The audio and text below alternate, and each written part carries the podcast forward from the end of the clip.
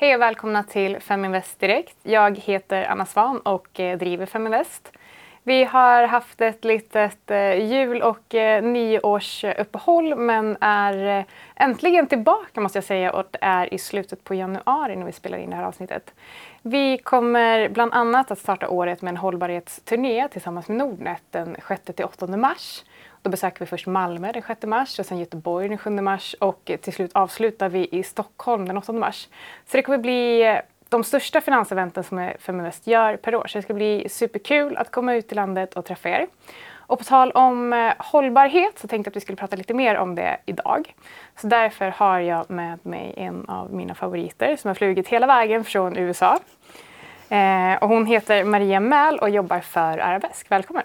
Tack Anna! Känns jätteroligt och superspännande att vara här och prata hållbara investeringar och hållbarhet och hur vi faktiskt kan eh, göra ännu bättre investeringar och få bättre avkastning om vi integrerar hållbarhet inom våra investeringsprocesser. Precis, och eh, det är, förutom att vi ska bena ut uttrycket, för det har varit ganska luddigt, framförallt Absolut. de senaste 20 åren, och men nu börjar vi få lite mer koll på vad det betyder, så ska vi också prata om varför hållbarhet inte bara handlar om att vara snäll mot världen utan att det faktiskt är det bästa alternativet för dina investeringar.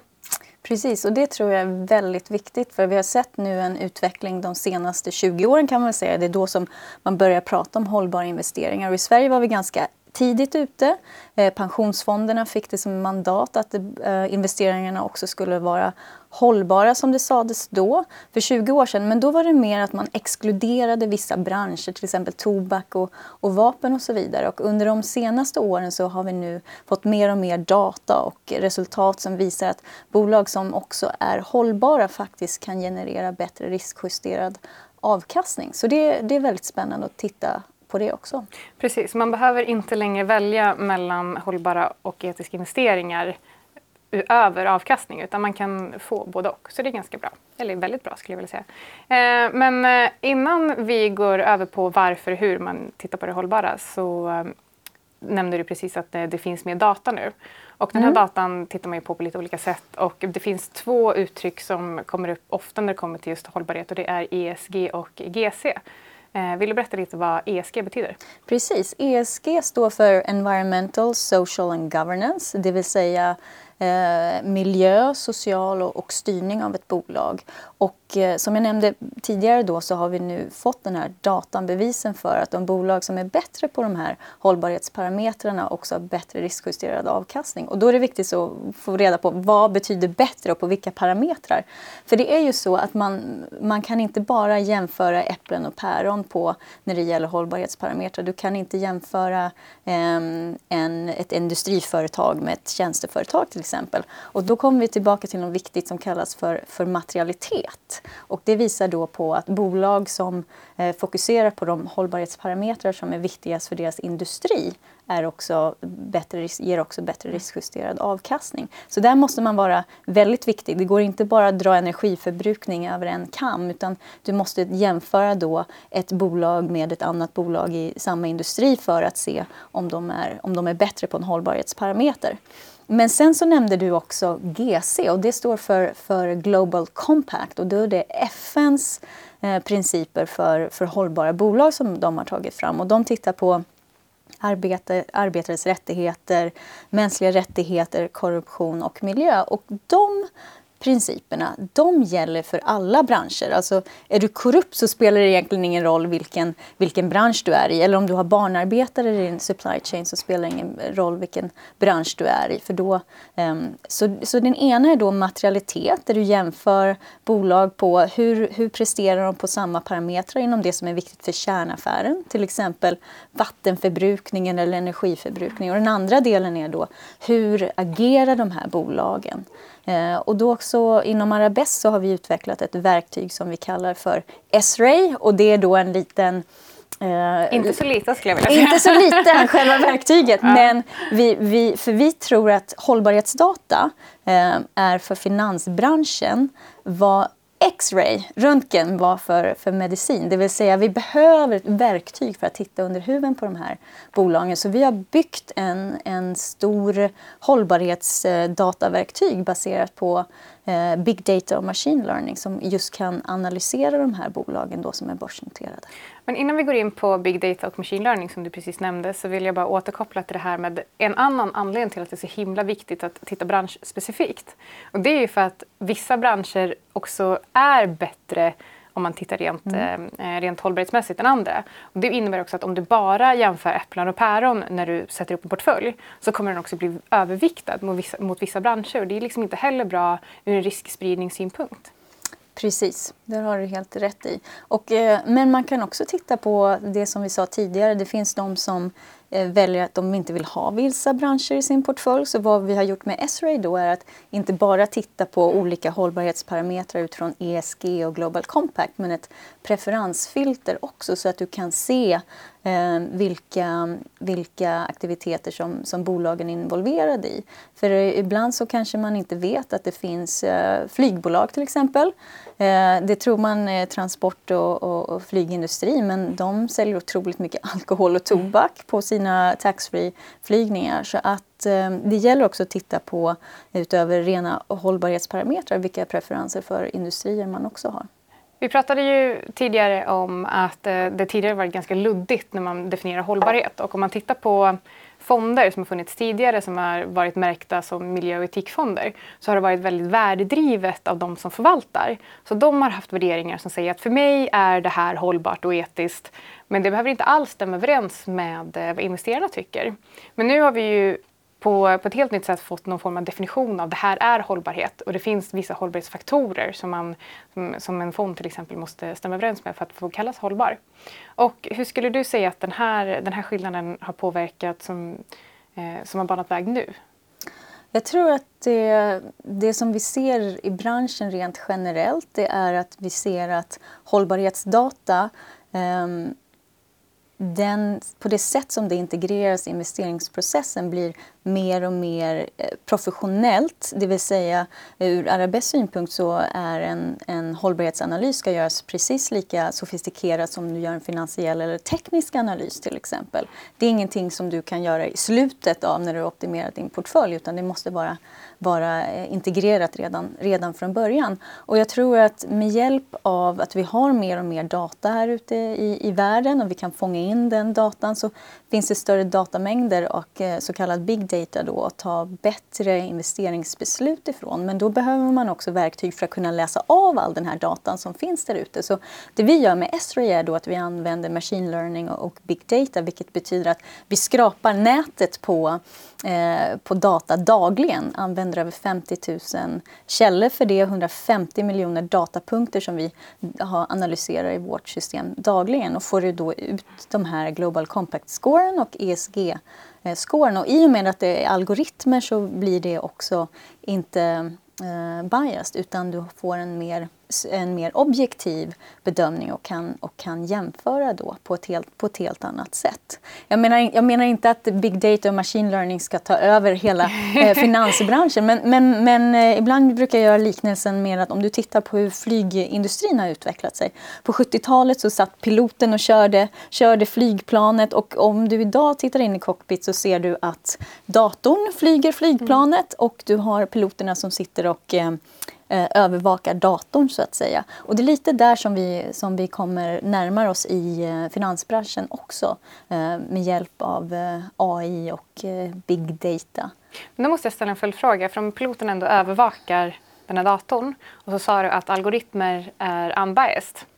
Är, är inte det lite paradoxalt? Eller hur, finns, det, finns det algoritmer som är biased? Självklart så finns det någon som skriver de här algoritmerna men om man tittar på eh, det sättet som vi använder våra algoritmer, det vill säga att de är, de är självlärande, så så kommer de också utvecklas över tid baserat på ju mer data, ju längre du driver dem. Och det är just det som är själva, själva eh, begreppet machine learning, att de, att de lär sig av sig själva vart efter tiden går och eh, de får mer data. Hållbarhet är ju dessutom en trend både bland eh, förvaltare, investerare och framförallt millennials. Vill du berätta lite mer om det?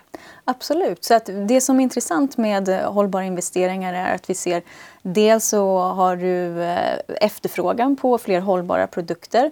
Eh, drivs framförallt av millennials. Ungefär 80 säger att de vill att deras investeringar inte bara ska ge finansiell avkastning utan också bidra till att göra gott i samhället. Och, vilket låter helt rimligt idag för att vi vet att bolag som, som gör det också har bättre Eh, riskjusterad, kan ge bättre riskjusterad avkastning. Så varför, varför inte försöka investera i de här bolagen? Men det intressanta är också att vi ser samma, samma trend på förvaltarsidan och 73 procent globalt idag av förvaltare säger att de integrerar på något sätt hållbara, hållbarhetsparametrar i sin investeringsprocess. Och, och här i Sverige så ser vi också att vi har stöttning av regeringen och många nya initiativ som, som kommer fram. Eh, dels från industrin men också av eh, regleringar och policies. Och vi i Sverige ehm, har varit ledande länge globalt sett på, på hållbarhet och hur man, hur man kan jobba med det och hur bolag jobbar med det i kärnaffären. För det är viktigt att skilja på kärnaffären och CSR, det vill säga Corporate Social Responsibility. Ehm, det här kanske för ett par år sedan var modernt att eh, plantera träd eller någonting. Och det vi ser idag är att vi vill titta på aktiviteterna i kärnaffären, hur bolag blir bättre på energiförbrukning och så vidare. Och där är svenska bolag fortfarande i topp. Eh, tittar vi på vad vi ser i våran, i våran S-ray, våran datamotor, så ser vi att eh, ungefär av, av alla 77 000 eh, globala börsnoterade bolag så har vi, tittar vi på 7 000 av dem, vilket är 96 procent av market cap, så, så har vi då de svenska bolagen som ligger i, eh, eh i topp och också lite över, över medel vilket är, vilket är bra, men det är också ett resultat av ett långt samarbete. Men jag vill återknyta lite till det vi sa om att det, det är en sofistikerad analys och många datapunkter som du måste göra. Och jag vet att du och jag pratar lite om momentum och hur man kan se på trender och så vidare och inte bara se en isolerad datapunkt. Och det är just det som vi kan göra när vi har eh, big data som vi får dagligen uppdaterat i Esri, att vi kan se på trender eh, och också inkorporera det i vår analys. Men är alla hållbarhetsparametrar bra? Är allt hållbarhetsarbete, jag förstår att allt hållbarhetsarbete är bra, men är alla parametrar bra att titta på när man investerar? Det är en väldigt viktig fråga som knyter an till det som vi sa i början, att vi nu har bevis och data som visar att de bolag som fokuserar på rätt hållbarhetsparametrar för deras industri eh, Eh, kommer också ha en bättre riskjusterad avkastning. Men det är också så att de bolag som fokuserar på på hållbarhetsarbete som inte är direkt viktigt för deras kärnaffär faktiskt kan ha en negativ korrelation.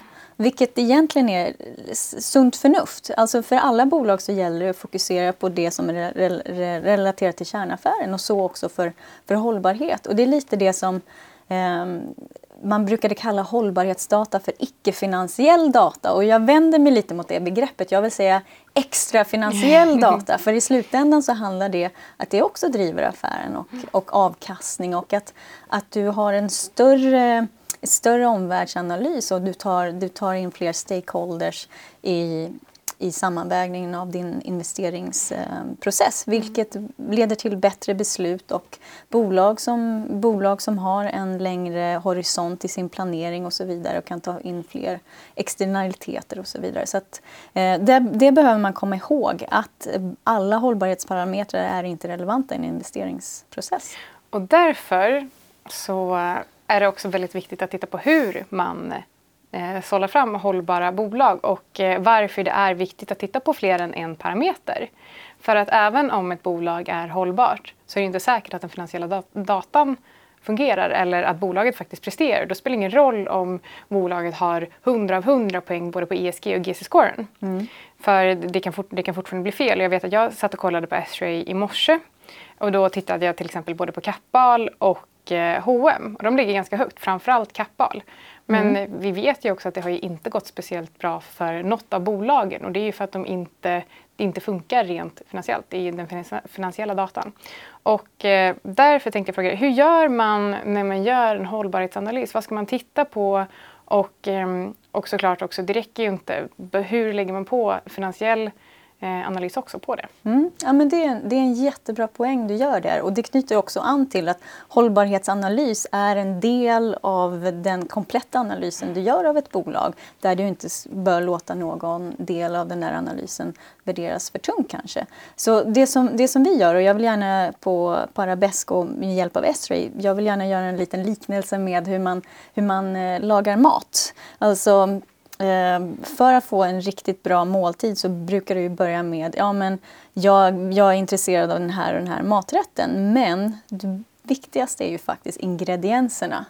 Eller hur? Mm. Du vill, ha, vill ha bra ingredienser och sen så vill du ha rätt recept. Så vi börjar med att och eh, i det hela investeringsuniversumen då göra en, en hållbarhetsanalys av de här bolagen. Självklart så tar vi med andra faktorer som, eh, som likviditet och så vidare för att göra en första screening. Men sen tittar vi på hållbarhetsparametrar för att hitta rätt ingredienser. För att om du har dåliga ingredienser då spelar det ingen roll hur rätt du gör i din, i din tillagningsprocess, eller hur? Så att vi hittar de rätt ingredienserna, det vill säga från ett hållbarhetsperspektiv. Och sen så kommer receptet, investeringsstrategin. Och då lägger vi till finansiell analys och sen en, en, en teknisk analys.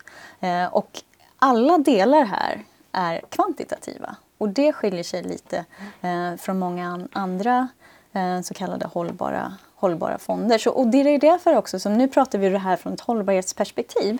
Men i och med att vi integrerar hållbarhet i hela investeringsprocessen så säger vi att ja, våra produkter då är eh, Arabeskfonder är hållbara men det är egentligen som vilken annan produkt som helst. För vi anser att eh, hållbarhetsdata och ESG är någonting som man bör ha med i sin investeringsprocess oavsett i vilket fack du vill, vill hamna för att det handlar om avkastning. Och vi på Feminvest är eh, otroligt stolta över att vi är med och lanserar den här fonden i Sverige, eller hur? Absolut, och därför är det jätteroligt att vi har ingått det här samarbetet där vi har en konversation om hållbarhet. Vad betyder hållbarhet i, i investeringar och hur kan vi ta hållbarhetsfrågan till, vad ska man säga, lite 2.0, 2.0 för att det är där som industrin eh, befinner sig. Det är inte någonting som vi gör på sidan bara utan det ska vara en del av din, del av din analys. Precis, och jag tycker att det är jättehäftigt för att jag har varit ute mycket och pratat om diversifiering och allokering eh, och eh, tycker att det är superhäftigt att få vara en del av, av det här i Sverige. Jag skrev ett blogginlägg i morse om där jag pratade lite om S-ray och visade upp lite analys Eh, eller eh, det jag tog fram ett par bolag som jag äger, bland annat Diös och Balder. Och mm. efter det sålde jag Diös för att de presterar inte. Balder däremot har momentum och vi ska förklara lite mer vad det betyder när det kommer till ESG-faktorer. Men då skrev jag att eh, tänk om man eh, kunde lansera en fond som bygger på det här verktyget. där man dessutom har lagt på finansiell analys, gärna både fundamental och teknisk. Och att eh, kanske lansera den tillsammans med ett superteam. Och tänk vad härligt det hade varit om den här fonden till och med har tre års track record sen innan där den har presterat bra. Så att det känns, eh, det känns eh, väldigt, väldigt roligt och jag har ju hintat lite om eh, Feminvest Sustainable och det här är alltså första ledet i det. Men momentum ska vi prata om. Hur, hur, letar man, hur, hur vet jag vilka företag jag ska investera i? För att det kanske inte räcker att hitta ett företag som redan är 100% hållbart för att då är det inte så himla mycket mer arbete där att göra. Precis, vad som är, vad som är intressant så vårt uppdrag, vår mission med Arabesk är att eh, hjälpa och stötta eh, bolag som är, som är hållbara och som vill bli mer hållbara genom att omallokera kapital till dem. Så att det som, det som är intressant är ju Eh, om du har en datapunkt här så vet du ju egentligen inte om den går åt det hållet eller om den går åt det hållet utan du vill ju helst också hitta någon som har en uppåtgående, uppåtgående trend. Och när vi använder oss av den här kvantitativa processen och dagligen uppdaterar data så kan vi också se hur, hur bolagen trendar när det gäller hållbarhet. Och då vet vi att vi kan eh, också generera alfa från att hitta de som är, um, de som är på väg upp, positiv trend för att de är, de är prisvärda. Och det kan vara till exempel de bolag som har haft någon skandal uh, och så vidare där man då um, då man då verkligen fokuserar på att, uh, i sitt hållbarhetsarbete. Mm. Så att det, det går inte bara att titta på en datapunkt, precis som det inte går att titta på en datapunkt i en, en, en traditionell finansiell analys heller. Mm. Och eh, den här fonden kom precis i dagarna upp på Nordnets plattform och heter Arabesk Systematic. Och vi lägger såklart eh, länkar precis under inlägget så att man når den. Och eh, i nästa avsnitt så kommer vi prata lite mer om SJ, hur den är uppbyggd och hur den gör, hur det går till rent steg för steg. Eh, och sen eh, hur Arabesk Systematic är eh, uppbyggd. Vi kommer prata lite mer om drawdown, alltså hur, hur ni allokerar mellan likvida medel och aktier för att minimera eh, en potentiell nedgång när börsen går ner. Eh, så tack så jättemycket för att du kom hit den här veckan och eh, ni får träffa Maria om en vecka en till. Tack för att vi fick komma.